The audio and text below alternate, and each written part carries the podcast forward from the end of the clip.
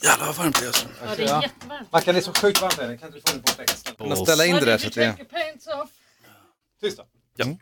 Det här är Fighterpodden. Ladies and gentlemen, we are. I'm not surprised, motherfuckers.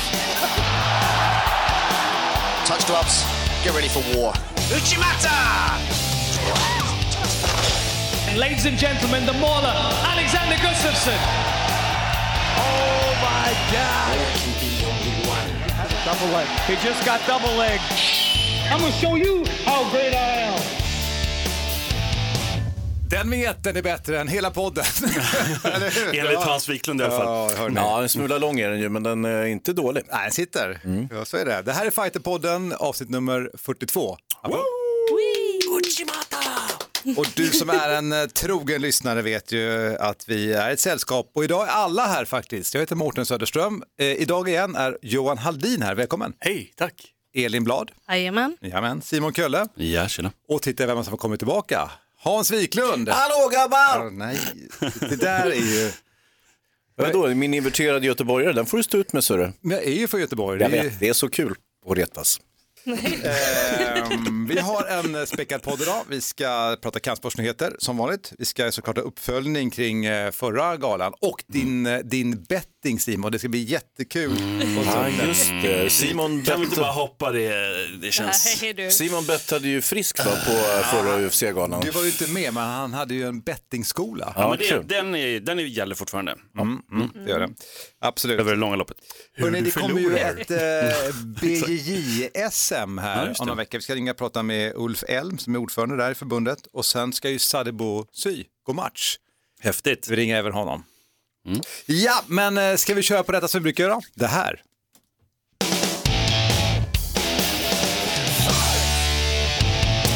Simon, uppdatera oss. Vad har hänt?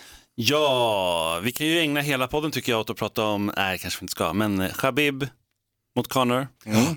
Jag behöver ju typ bara säga det, alla har ju sett matchen, jag behöver inte säga så mycket mer. Khabib vann rättvist mot eh, Conor som var duktig i början tycker jag i den matchen, men sen hade det svårt att eh, stå emot eh, Khabibs fantastiska brottning. Vad säger ni om matchen? Alltså, jag tyckte ju McRae kom tillbaka. Jag trodde aldrig att alltså, han var ju nere i början, så kom han ju upp. Det var ju stående, inte tredje ronden väl va? Jag tyckte nog problemet för, för Conor var att han varit även utboxad stående. Så att, eh, alltså, han blev ju överkörd. Det var ju ingen diskussion. Det var ju bara, han var ju helt mosad. Men Khabib förlorade sin första rond i karriären. Den tredje ronden gick till Conor McGregor. Så det var faktiskt då när han kom tillbaka och, och Khabib behövde kanske en liten breather där och, och eh, Conor vann den. Så att det, det, han, om han gjorde någonting Conor så var det han tog en rond utav Khabib. Jag är superimponerad av Habib i den här matchen. Alltså att han skulle kunna brotta ner Connor och pinna honom mot väggen, ta hans ben och börja trötta ut honom där. Det var det ju ingen som förväntade sig mindre än det, men att han skulle kunna rocka honom stående och stå framför honom och trada. Jag var så jävla nervös när han gjorde det. När han ställde sig liksom mitt framför Conor McGregor och bara okej, men nu, nu, nu kör vi. Det tyckte jag var läskigt. För du är ett Khabib-fan då antar jag eller? Nej, det är snarare anti-McGregor. Ah, okej, okej. Så Nej, det, men- det var jävligt gött att se honom få stryk. Ja, Nej, det var nog lite grann. Jag eh, tyckte, var lite orolig första nedtagningen också som Khabib gjorde för han, kom ingenstans liksom. Eh, Det var bra eh, försvar från, från Conor han, när han satt ner mot bursidan så att säga.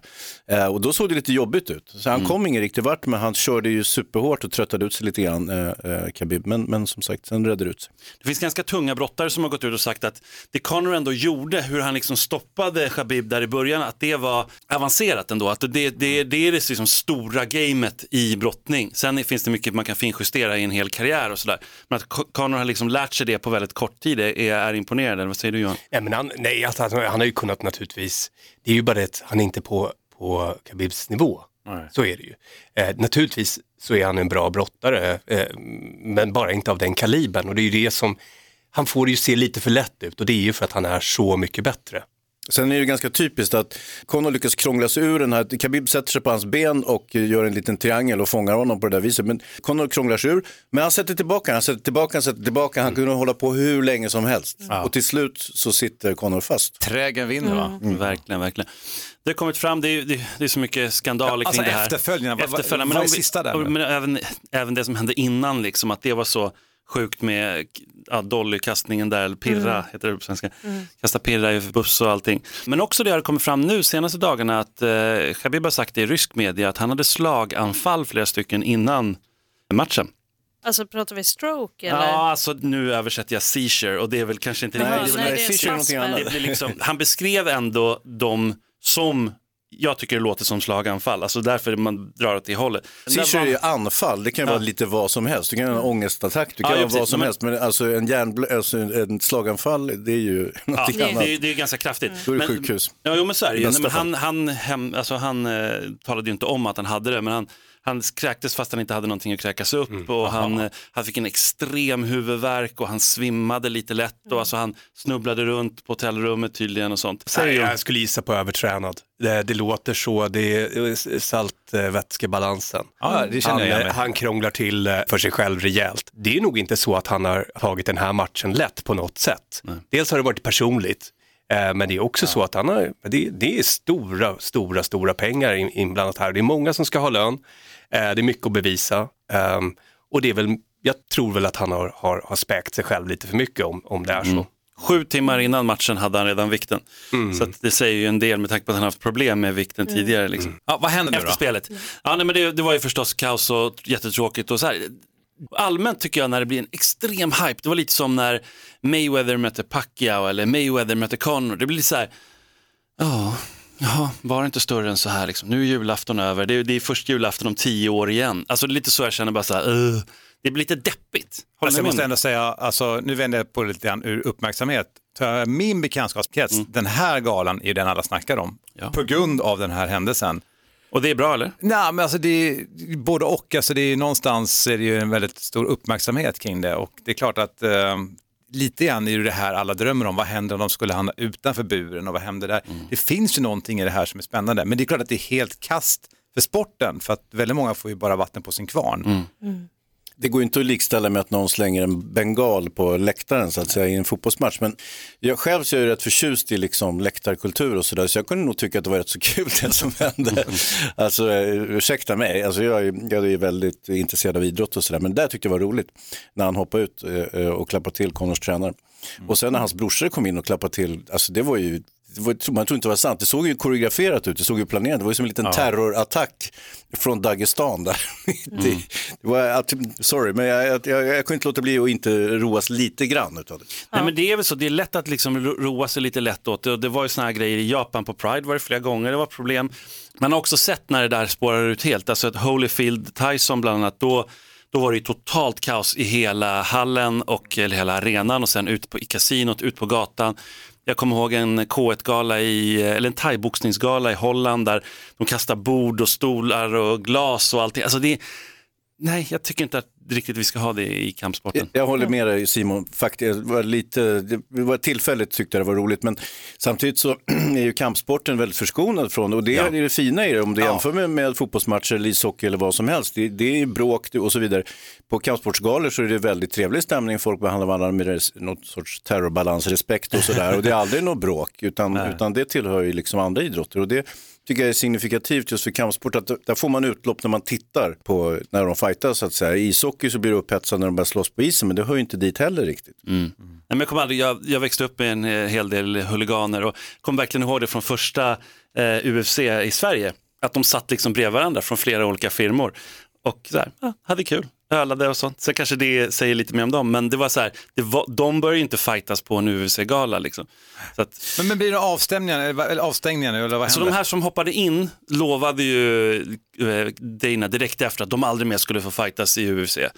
Eh, två bra killar verkligen. Men eh, då gick ju Khabib ut hårt, väldigt hårt på Twitter och sa ni kan behålla pengarna och om de sparkas då går jag också. För pengarna, de håller i hans pengar, alltså Nevada, atletiska kommissionen där. Det är inte utan att man förstår att han är ganska hård. Alltså, det, är ju, det är två han miljoner är- dollar de håller han är in ju där. tvärhård. Ja. Det kanske inte är helt lätt att säga nej till, men han har väl kanske pengar. Eh, nej. Det tror jag inte han har. Det- men, det- men har Dan, Dan, Dana, Dana, har han eh, sagt någonting? Alltså han bestämt sig nu då? Ja, men han har sagt lite grejer och han, han menar på att det händer mycket under en vecka. Det har ju gått över en vecka nu och det, är så här, det som då bland annat har hänt är att de har snackat med varandra och det ska vara lugnt, säger han nu. Att Khabib kommer fortsätta i UFC. Okej, ja verkligen. Men på frågan om de här andra kommer få stanna, då sa han vi får se. Så att, jag, jag tror ändå inte att det är helt Inte färdigförhandlat. utrett. Ah, okej. Eller så försöker han bara hämla och, och, lite grann och så drar det ut på tiden och rätt vad det är så. Ja. Det är jävligt fånigt av Dana White att komma liksom på presskonferensen efteråt och låtsas som att Åh, det här var det värsta jag någonsin har sett. Buhu. Alla betedde sig dåligt. Vad förväntar han sig när allt UFC har gjort den senaste tiden och de senaste åren är att försöka bygga upp Big Drama Show och sen när de faktiskt får det då spelar de förvånade och oj det här hände. Och jag, visst det här kanske reflekterar dåligt på MMA som sport men jag tror inte att alltså det här beteendet som vi såg det är inte avgränsat till MMA. Bara exempel, skulle två golfare hålla på mot varandra så som McGregor och Habib har gjort och McGregor skulle vara en golfspelare och så har de hållit på så här så länge och när Habib till slut vinner, alltså du kan svära någon kommer få en järnnia i huvudet Ja. till slut. För det är så människor funkar, man kan bara ta liksom en that Du amount of tänkte shit. säga att det är så män fungerar, eller hur? Jag tror att det finns kvinnor som skulle sopa på andra också men det är ju mänskligt att till slut så brister det. Och det här är liksom, det är världens mest pressade situation, det är hur mycket adrenalin som helst. Alltså, och Dylan Danis, för fan vem skulle inte vilja ge honom en snyting? Han är ju världens största arsle. Nej, men å andra sidan, Dana White har ju alltid gått ut så här, det här, det här är jobbigt för honom eh, av flera anledningar. Dels så att kolla det i hela världen och dels har han alltid under alla år, när det hände i Strikeforce, när det hände i Elite XC, när det hände i Pride, då var han jättesnabbt ut och sa, det här kan kommer aldrig kunna hända i UFC, vi är liksom the pinnacle of the sport och liksom, han, de är nämligen först och i bräschen och allting. Men titta, det hände även där. För vad har de för gubbar som står inne i buren? Tjocka 70 plus Ja, gubbar, som, de har alltid varit där. Det, det är liksom i vilket land som helst. Det är alltid så här, jag förstår, de hängde ju inte med. Men en av Han de här tjocka gummorna lyckades ju dra tillbaka Connor från... Jo men han Conor var ju- ganska sen också. Ja, men han var ju nästan över burväggen var när de drog alltså. tillbaka. Ja, men när, när någon av eh, Habibs eh, eh, kompisar, brorsor hoppar in där, då går det ju förbi en polis. Han är en uniformerad polis, han går ju förbi Octagon och tittar åt ett helt eh, annat håll. det, är- det är above his pay grade. jag tänker inte brottas med Habib, jag vet inte hur han tänkte där, men han bara glider förbi lite snyggt. Skulle Ja. också. Med eller utan uniform. Och i skymundan på den galan då, så var, det var ju en match innan som var fantastiskt bra. Alltså Pettis mot Ferguson, där tänker jag på. Pettis gjorde väl sitt livsmatch, även om han förlorade den så var ju han otrolig. Alltså, men tänk på vad Pettis har varit och att, hur han nu har kunnat komma tillbaka. Det är, det är fantastiskt. Liksom. En, en väldigt grym match på, på den galan. Liksom. Lina Länsberg också. Lina Länsberg måste vi såklart nämna. Väldigt tråkigt att hon förlorade. Hon skulle ju hållit distansen, hon blir nedtagen hela tiden. Ja, synd. Stor såg hon ut också, hennes motståndare var väldigt stor. Bjässe. Ja, verkligen. Ja, nej, men det är tråkigt förstås, men hon kommer komma tillbaka. Och så måste vi ju nämna Derek Lewis. Ja, men hans hans Ja, intervju kära efter vinsten. Du vill prata om att han tog av sig byxorna. Ja, det var jätteroligt. Ti- Ja, men det är typ 10 sekunder kvar och Volkan går liksom mot en solklar poängvinst. Det var 100% klart. Alltså, Ja, han- ja, men det var alltså, ja. färdigt och sen får han in den där smällen, typ lägger sig ner, vilar en liten stund, ställer sig upp, tar av sig byxorna och så kommer Joe Rogan bara Derek, why did you take your pants off? Because my balls was hot. Alltså det, jag, har, jag har sett jättemycket på Instagram så här inspirational pictures med den quoten i så här snirklig skrift. Ja, det är jätteroligt. Ja, av med brallorna allihopa. Ja. Derek Lewis han är, han har ju en skön stil, det får man ju ge han. Ja. Och han ska möta DC nu, är det så? Han ska möta DC, det kommer dröja lite, men, eller ja, det är inte jättelångt kvar, men det, det var ju lite så här, någon behövde kliva in och ta den galan. Eh, ta huvudmatchen där. Men den stora nyheten för oss, det var så här, den där deppen efter den galan, i alla fall för min del, liksom skingrades ju väldigt snabbt när Alexander Gustafsson fick match mot John Jones. Vad säger ni? Eh, vad- Det är häftigt, eller hur? Äntligen, äntligen.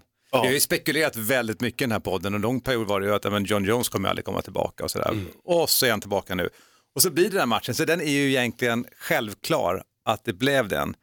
Alla tycker ju inte att det är den bästa matchen. En del tycker att det är fel att John Jones ska få komma tillbaka och komma så snabbt upp och sådär. Jag tycker det är helt rätt. Om inte DC vill gå ner så är det ju John Jones som ändå spöade honom och det var så här, det var tydligen inte helt, eh, han var inte påverkad av någonting just då, eller du vet, det var lite konstigt. Då på den kvällen 29 december då kommer ju DC förlora bältet då, han är champ fram till 29 december eller om matchen inte blir av. Så under galakvällen så blir han av med den och samma kväll så har ju Ilir fått match också. Så det blir ju väldigt eh, tufft Och vem var det nu som Ely ska Han som heter möta? Corey Anderson. Vad är han Som- rankad? Koriander. Koriander.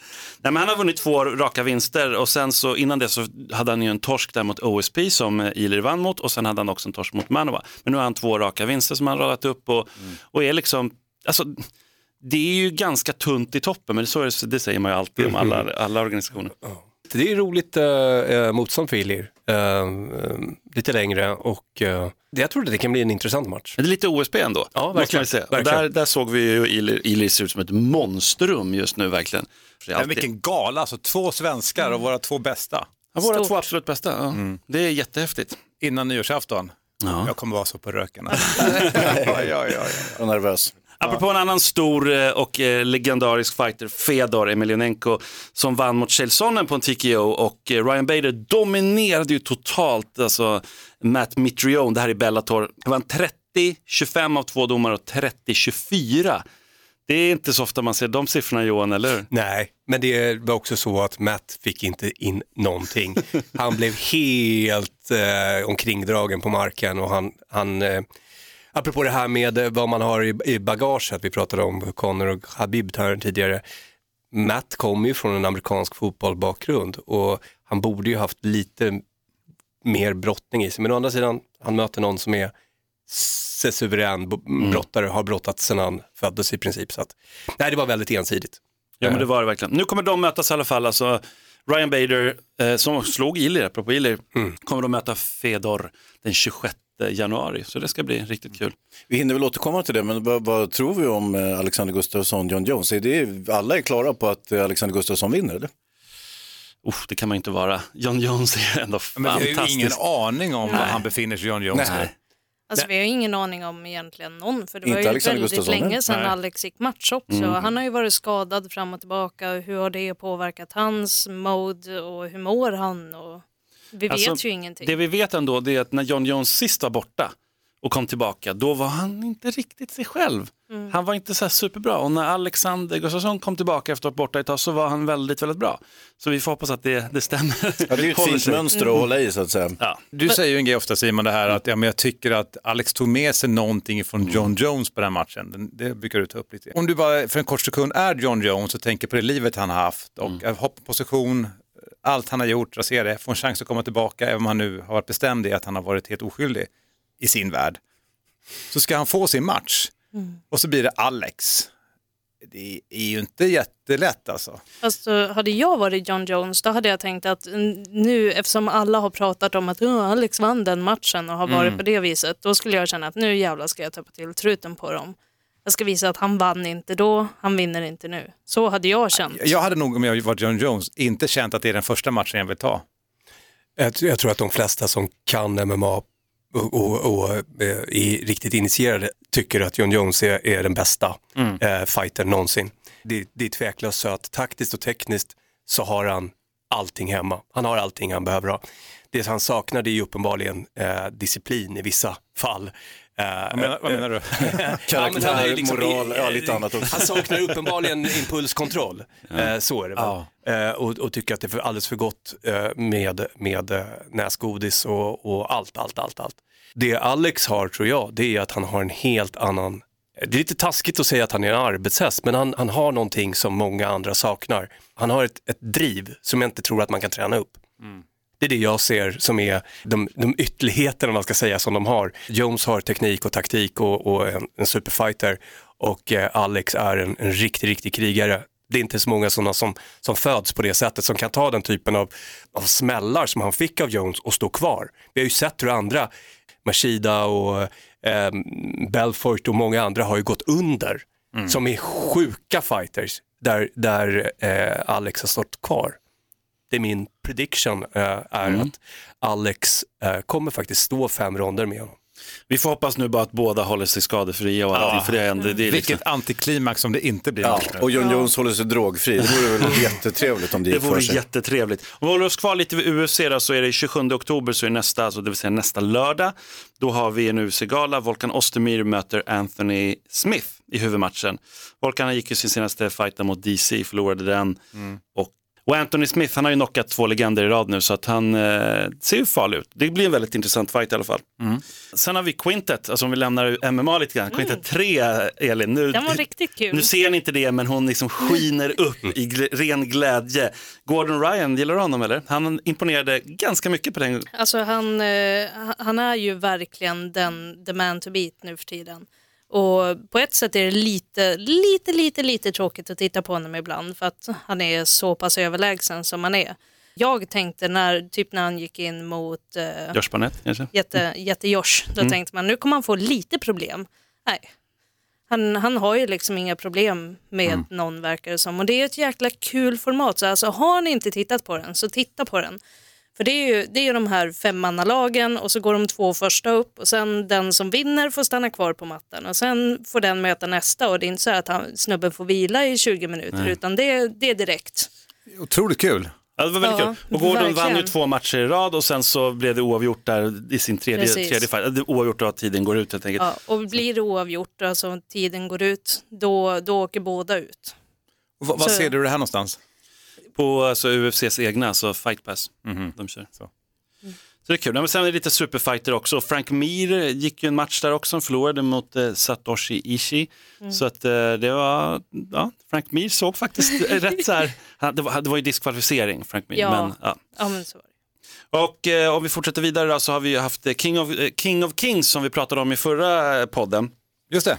Då var ju det Kostas, vi trodde ju på Kostas och Kostas mycket riktigt vann hela turneringen och mycket riktigt som vi förutspådde mötte också den här norrmannen som vi pratade med, hans andra kille i finalen. Jörgen Pedersen som Precis. var coach, eller som var um, Manager. manager. Ja men precis, de möttes ju i finalen liksom. Sen vi, hade vi Adel också som förlorade sin match, Eh, han gick i en superfight där.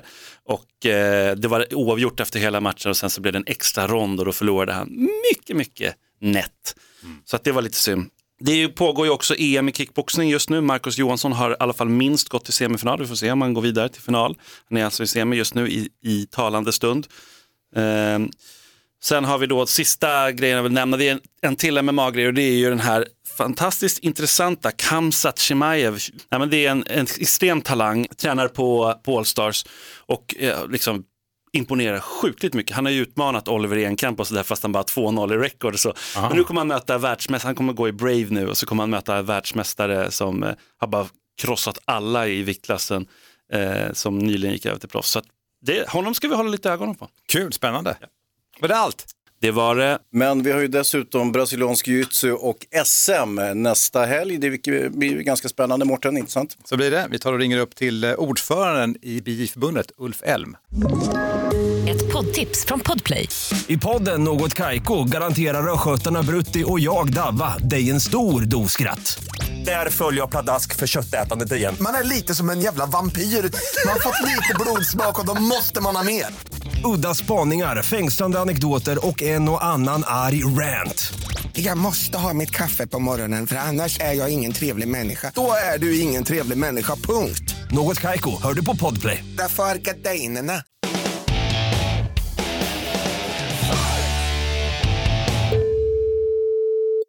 Ja, hej Ulf. Detta är Fighterpodden. Vi ringer till ordförande i BI-förbundet. Hur har du det? Jo, tack. Det är, det är bra. Ulf, berätta lite grann om BI-SM. Hur går det? Eh, ja, det, det går i Malmö i år eh, för första gången. Men vi har ändå fått anmälningar från, från större delen av landet. Anmälningstiden är öppen till 23 oktober så att vi, eh, det brukar ju trilla in mot slutet. Hur, hur många räknar ni med som kommer? Det brukar ligga mellan 65 till 70. Eh, det kan ju låta väldigt lite, men eh, tidigare så var det så här att eh, SM var en tävling som arrangerades eh, av klubbar som då också arrangerade ett RM, kallades det. Så att man körde liksom för vuxna vit och blåbältesklass, då var det ett riksmästerskap och sen så var det SM, eh, svensk mästerskap för lila, brunt och svart, sammanslagen klass. Eh, och nu så har vi ju valt att förbundet arrangerar och och står som huvudansvarig och vi arrangerar bara SM. Så att för vuxna så är det bara lila, brun och svartklassen. Eh, så vit och blåbälten kan man inte tävla i SM som vuxen. Och det gör ju självklart att, att eh, antalet eh, deltagare blir färre. Sen så hoppas vi ju också. Vi ser att det börjar komma sakta men säkert växa vårt ungdoms-SM, junior-SM som är samtidigt, som då går i juvenile, alltså 16-17-årsklassen. Och där kan ju vit, blå, lila bälten tävla mot varandra i den klassen. Vilka är det som anmäler sig ofta till SM? Är det oftast svartbälten eller är det lila bälten? Alltså är det, finns det någon, eh, något bälte där det är fler? Det är ju fler lila bälten än, äh, än något annat. Svartbälten finns. Det vi kan se är liksom att svartbälten som anmäler sig är ju vad, vad jag skulle klassa som elit. Mm. Det är flera tidigare svenska mästare som anmäler sig som svartbälten. Så SM är ju en elittävling och det ska vara en elittävling. Eh, och det är klart att vi har jättemånga svartbälten i, i BJ i Sverige. Men alla de är ju inte i närheten av att tävla på SM. Utan där ser vi att våra elitutövare nu är väl kanske, många av dem är ju lila brunbälten. Är det så att ni aktivt på något sätt försöker få dit de allra bästa utövarna i Sverige? Eh, ni har ju ganska bra koll eh, på förbundet vilka det är som är rankade i toppen så att säga. Ser ni till att, att alla de bästa verkligen är med? Eh, inte mer aktivt än att vi behandlar det som ett svenskt mästerskap. Mm. Eh, liksom om vi tittar på liksom vilka som tränar och tävlar som elit nationellt och internationellt i Sverige idag så är det väldigt många på lila bältesnivå. Möjligtvis att det skulle kunna förändras om man kom in lite tidigare i lila bältesklassen. Eh, att man då skulle kunna se liksom att, att elit snarare skulle kunna handla om brun och svartbälten. Ser ni till att och, uh, fylla upp samtliga klasser? Och då tänker jag till exempel på Juvenile där jag såg att det inte var så en enorm tillströmning så här långt. Vi kommer ju inte att flytta någon. Vi kommer inte att slå ihop några klasser på, viktklasser på SM. Utan det får man i så fall göra själv. Utan det som händer om man är ensam i sin klass är att man, om man dyker upp så kan man få ta emot en guldmedalj. Men man får inte titulera sig svensk mästare. Mm. Och man får heller inte SM-tecken. Helt klart sunda regler eh, eftersom svensk mästare kan man bara bli när man faktiskt går match. Kan du berätta lite om så stämningen? För nu är det mycket regler och, och sådär. Om du liksom hypar lite grann, vad, vad är grejen liksom med SM? Är det kul? Det är fantastiskt BJ att kolla på. Det är alltså oerhört hög nivå. Det är våra bästa utövare Roligt. Som, som tävlar. Det är, det är vår elit. Uh, vi får ju kvitton på med jämna mellanrum uh, att vi har väldigt hög nivå på våra svenska utövare. Några namn som du tänker särskilt som kan vara intressant att se? Elina Moestam till exempel. Vi har ju även uh, Martina Gramenius, också landslaget tävlar. Vi har tidigare svensk mästare och tidigare landslagsutövare Alexander Musi Wennergren. Max Lindblad med i landslaget, ett, ett av ett av svartbältena som tävlar också. Svonomi Kall har ju vunnit SM tidigare. Micke Murphy är en annan som har ett, ett antal SM-medaljer. Vi har en jättebra elit i Sverige, men på lång sikt så skulle vi behöva få upp en elitsatsning inom Juvenile, alltså de som är på väg upp eh, och, och slå igenom. På sikt så hoppas jag att man kanske kan hitta utövare som som har sina lila bälten någon gång när de fyller 18. Eh, så att man, kan, så att man har tid på sig att bygga, bygga en karriär. Eh, Men kan du berätta mer om hur eh, SM, hur påverkar det uttagningarna till landslaget och för dem då som kanske är på väg upp och vill synas och tänker att ja, men jag måste få en bättre plats. Vad, vad kan de få ut av att gå och tävla här på SM? Alla medaljplaceringar på SM ger ju dubbla rankingpoäng eh, jämfört med andra tävlingar i Sverige. Sen är absolut inte rankinglistan det enda som avgör om man platsar i landslaget. Uttagningarna sker eh, det vi tittar på där, eller det, det som våra elitansvariga tittar på är ju placeringar på både nationella tävlingar men även internationella. Och där så är de svenskar som placerar sig på medaljplats på större nationella och internationella tävlingar där SM räknas såklart, bjuds in till, till landslagsuttagningar där det också dels genomförs liksom, fystester, det genomförs vissa sparringmoment och så vidare även om det inte tar någon matchsparring så att det ska inte bli liksom någon tuff uttagning. Um, men också med, med eh, intervjuer där man, där man lite grann vill få en bild av, av vad, vad personen skulle vilja liksom med ett, ett, ett aktivt landslagsdeltagande. Vi håller tummarna och hoppas att det kommer fler som anmäler sig. Och lycka till med arrangemanget då, Ulf. Tack så mycket. Det kommer bli toppen. Tack för att ni hörde av er.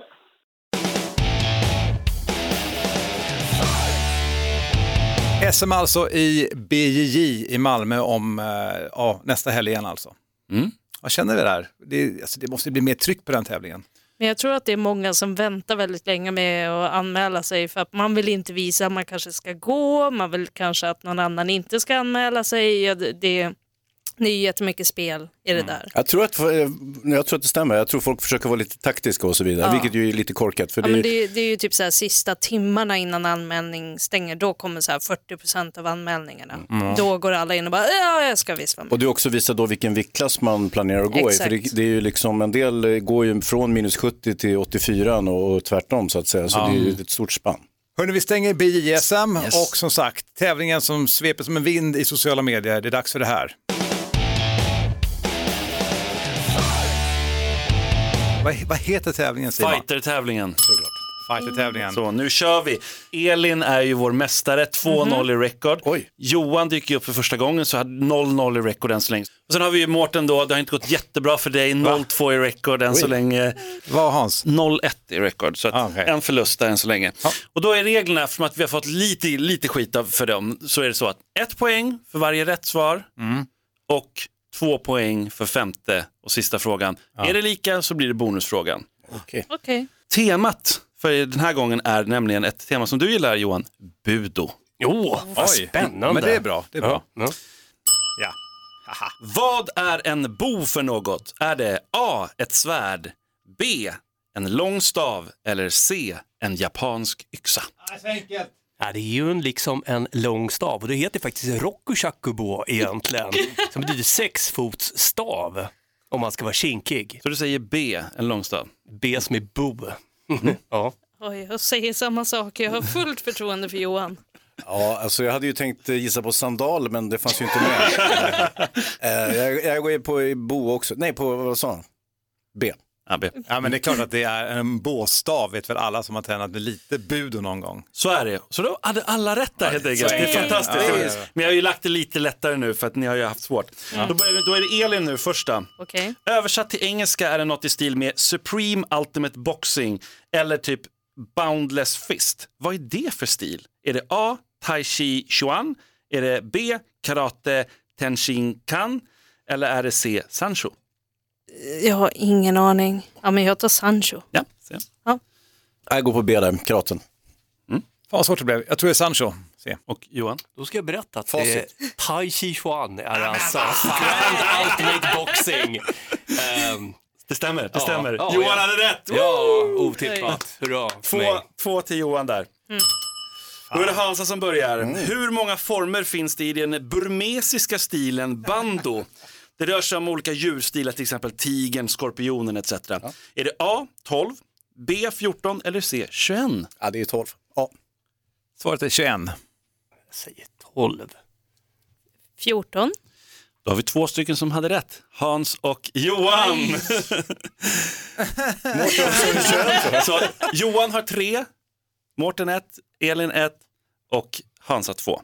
Okej, sista. Ja, det är fjärde då. Mm. Fjärde och då är det du som börjar Mårten. Det extra poäng nu? Håll i Nej, nu. inte nu. Det är nästa. Vilken stil var det som Bruce Lee började träna? Ja, den kan jag. Lätt. Var det A. Sancho? Var det B. Karate? Eller var det C. Wing Chun? Han började med Wing Chun. Så se. Johan? Ja, han började med Wing Chun. Det tror jag med. Inte vara dum i huvudet, jag säger det också. Och alla hade rätt! Fantastiskt. Så Johan är ju då ledare här inför det sista då. Du har ju fyra rätt helt enkelt. Så att, eh, två poäng på den här sista då. Och då är det alltså Johan igen här. Då är det jujutsu var den första budoarten som kom till Sverige tidigt 1900-tal. Vilket årtionde kom judon till Sverige? Var det 1920-talet? A. Var det 1930-talet? B. Eller var det 1950-talet? C. Mm, jag säger A. 20-talet? Vad säger Elin? 30-talet? Eh, 50-talet. Mårten? Åh, 50-talet. Och vi har faktiskt två som hade rätt. Hans och Mårten. Vilket gör att Hans faktiskt det? hamnar på lika med Johan. Oh, För att han fick två poäng nu. Precis. Ja, Exakt. det är det Då har vi utslagsfråga. Johan, Hans. Du som lyssnar på det här nu, om inte du fattar någonting så är du och jag helt överens. Ja, Okej, nu kör vi. Ja. Så då är Elin som börjar. Graderingssystemet med dangrader och kyu härstammar från judons grundare Jigoro Kano, men vart ifrån lånade han det? Var det från den japanska teaterformen kabuki? Eller var det B, en gammal legend om en apa? Eller C, ett brädspel som heter Go? Eh, kabuki. Men kabuki, det är någon sorts teater, inte sant? Ja. Ehm, ja, det kan nog vara kabukin. Jag säger också Martin? det. Kabuki. Gå. Och Johan hade rätt! Jättelurig ut. Johan hade rätt. Och där har vi en vinnare. Johan Halldin. Bra Johan. Ja, men kul tävling. Fantastiskt. Jättekul. Bra jobbat Johan. Men Jag ty- du har väl spelat Go också? Nej, det har jag inte. Nej, det gör jag. Jag kan lära dig. Jag kan lära dig. Jag är en Toppen. Så nu Go-spelare. har han kommit in och fått record. Nu har han 1-0 i rekord där. Än så länge. Han är obesegrad. Ja, men då leder fortfarande Elin, då har hon Nej, jag två. fick 2-1. 2-1. 2-1 nu. Mm. En torsk Jag tycker det här var väldigt twistat till Johans fördel. Ja, det var det jag, verkligen. jag, jag måste nog eh, hålla med om det, att det här var li- kanske lite min... Det är Alltså, paradgren. Det är ju, var ju bud och tema och det är inte... Det är Ja, inte men så är det. Nej, Det är olika ja, teman. någon gång. Du får en applåd för det här, bra jobbat. Tackar. Ja. Hörrni, vi tar och ringer till en man som ska gå match, Sad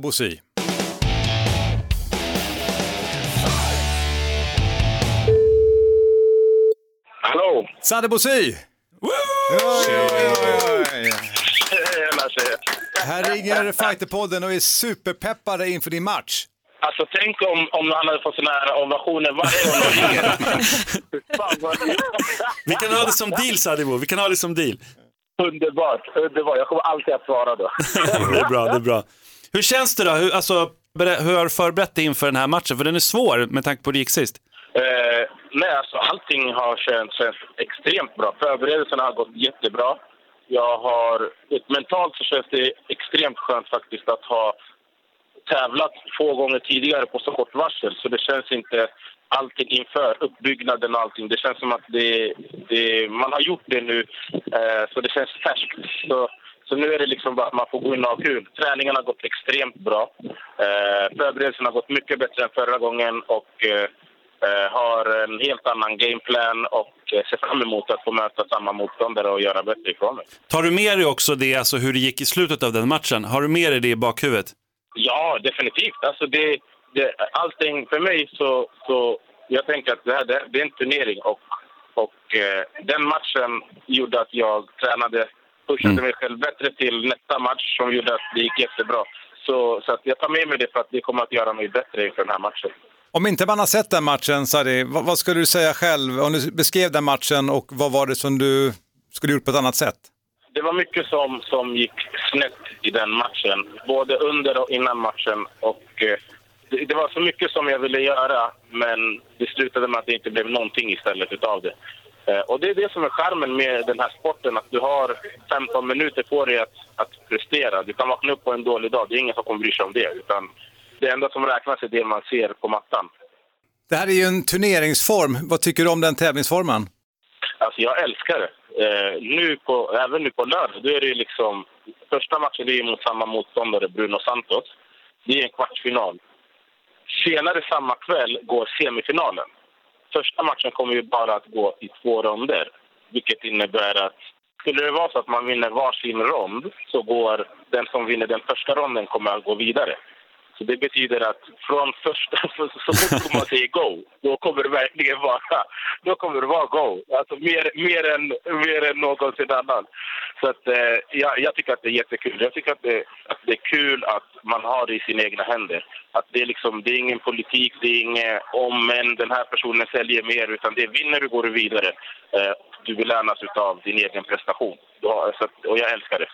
Eh, Sadebo, Hasse här från Prana. Vi grabbarna där, de eh, lyckönskar Ja. dig såklart och eh, undrar om du har ordning på grapplingen och, och nedtagningsförsvar och nedtagning och så vidare. Ja, då, absolut, absolut. Eh, mycket detaljer som vi har jobbat på nu senaste tiden som, eh, som jag verkligen känner mig bekväm med och känner mig bekväm i. Jag, jag, jag har ju sagt det länge att en, en match, mm, ja, snart så kommer, så kommer jag initiera nedtagning och försöka börja grapplas lite. Nice. Eh, vi får se om det blir på lördag, eh, men, men som sagt, grabbarna på, på, på, på Pancrase, på Prana, eh, har förberett mig extremt bra med grapplingen. Det, Ja, det är bra. och, Sen vill vi ju se en superhård spark, för det är du mästare på. Ja, jag kan i alla fall, det kan, det kan jag lova. Ja, det är bra. Det kan jag, det kan jag lova. Du, eh, stor lycka till, stor lycka Verkligen. till och vi hoppas få hit dig till Fighterpodden också så ska du få en riktig applåd i studion när du kommer nästa gång, okej? Ja, det är på tiden. Det är på tiden att jag får komma dit. Jag uppskattar det. Tack så mycket för att ni ringde. Ha det gott! Ha det jättefint. Hej då. Hej då. Hej. Detsamma. Hej.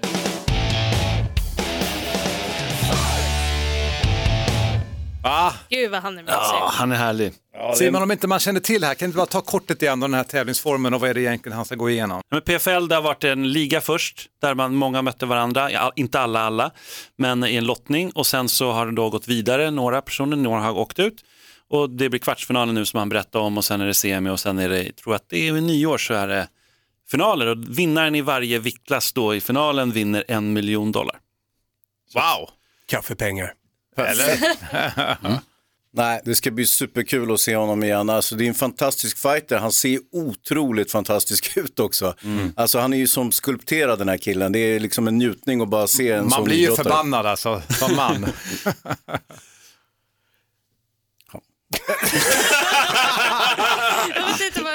Jag jag förväntas kommentera. Ja, vilken, vilken man Du, crush du är den. Det var enda, enda. enda kvinnan här i, i gruppen liksom. Så att, Han är ju väldigt duktig. ah, politiskt korrekt. Hörni, ska vi ta och knyta ihop dagens Fighterpodden då? Ja, men jag måste ha en fråga, jag en fråga. Hur kommer det gå för Sadebo? Vad tror du Hans? Han vinner. Ja, ja, ja, han vinner. Absolut. Elin? Garanterat. Han kan ju sin motståndare nu. Så att det... Johan? Ja, fotarbete, hastighet kommer, kommer slå eh, hans eh, önskan att få ner Sadebo på marken. Ja. Titta, Innan vi knyter upp, här. vi hade ju din bettingskola, hur gick det för dig? jag trodde vi skulle glömma den. Nej. Kan du inte bara ta upp det? Alltså, du, Bettingskolan, den var jättebra. Den var väl bra, eller hur? Ja, och sen så vet jag att du gick ju ganska all in på den här... Nej, det gjorde jag inte. Och- Absolut inte all in. Absolut inte all in. Nej. Men eh, jag och Johan hade ett litet spel där. Men det, det blir som det blir ibland. Vann du några pengar? Nej. Det gick Satsade väldigt- du hela huset? Nej, absolut inte. Men, eh, nej, men det, det är så det är ibland. Ja. När, när någon eh, vinner eh, med fem sekunder kvar och så vidare. Och så vidare. Så. Så det är inte du som bjuder på middag ikväll? Nej, det är inte jag. Men gick allt åt helvete verkligen? Nej, nej, herregud. Det lät ju så. Nej då. Allt Jag blir sur. Jag, det, tog jag upp där i eh, skolan där också. Att man, man ska, man ska tar- bli sur när man torskar och man ska bli glad när man vinner. Det är grundläggande inom betting. Mm. Glad när man blir fattig och ja, Tvärtom. tvärtom. Hörni, vi knyter ihop då. Vi tackar Johan Haldin, Yes! Elin Blad, Tack, tack. Simon Kölle. Yes. Glad att du är här igen, Hans Wiklund. Ja, det är oss ska tacka. Det är, så är det. Jag heter Mårten Söderström. Vill du höra av dig så gör du det till fighterpodden at fightermag.se. Vi hörs om två veckor.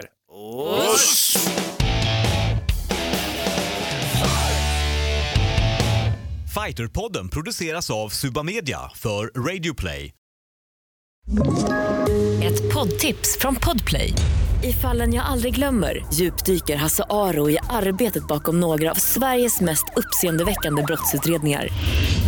Går vi in med hemlig telefonavlyssning och, och då upplever vi att vi får en total förändring av hans beteende. Vad är det som händer nu? Vem är det som läcker? Och så säger han att jag är kriminell, jag har varit kriminell i hela mitt liv men att mörda ett barn, där går min gräns. Nya säsongen av Fallen jag aldrig glömmer på Podplay.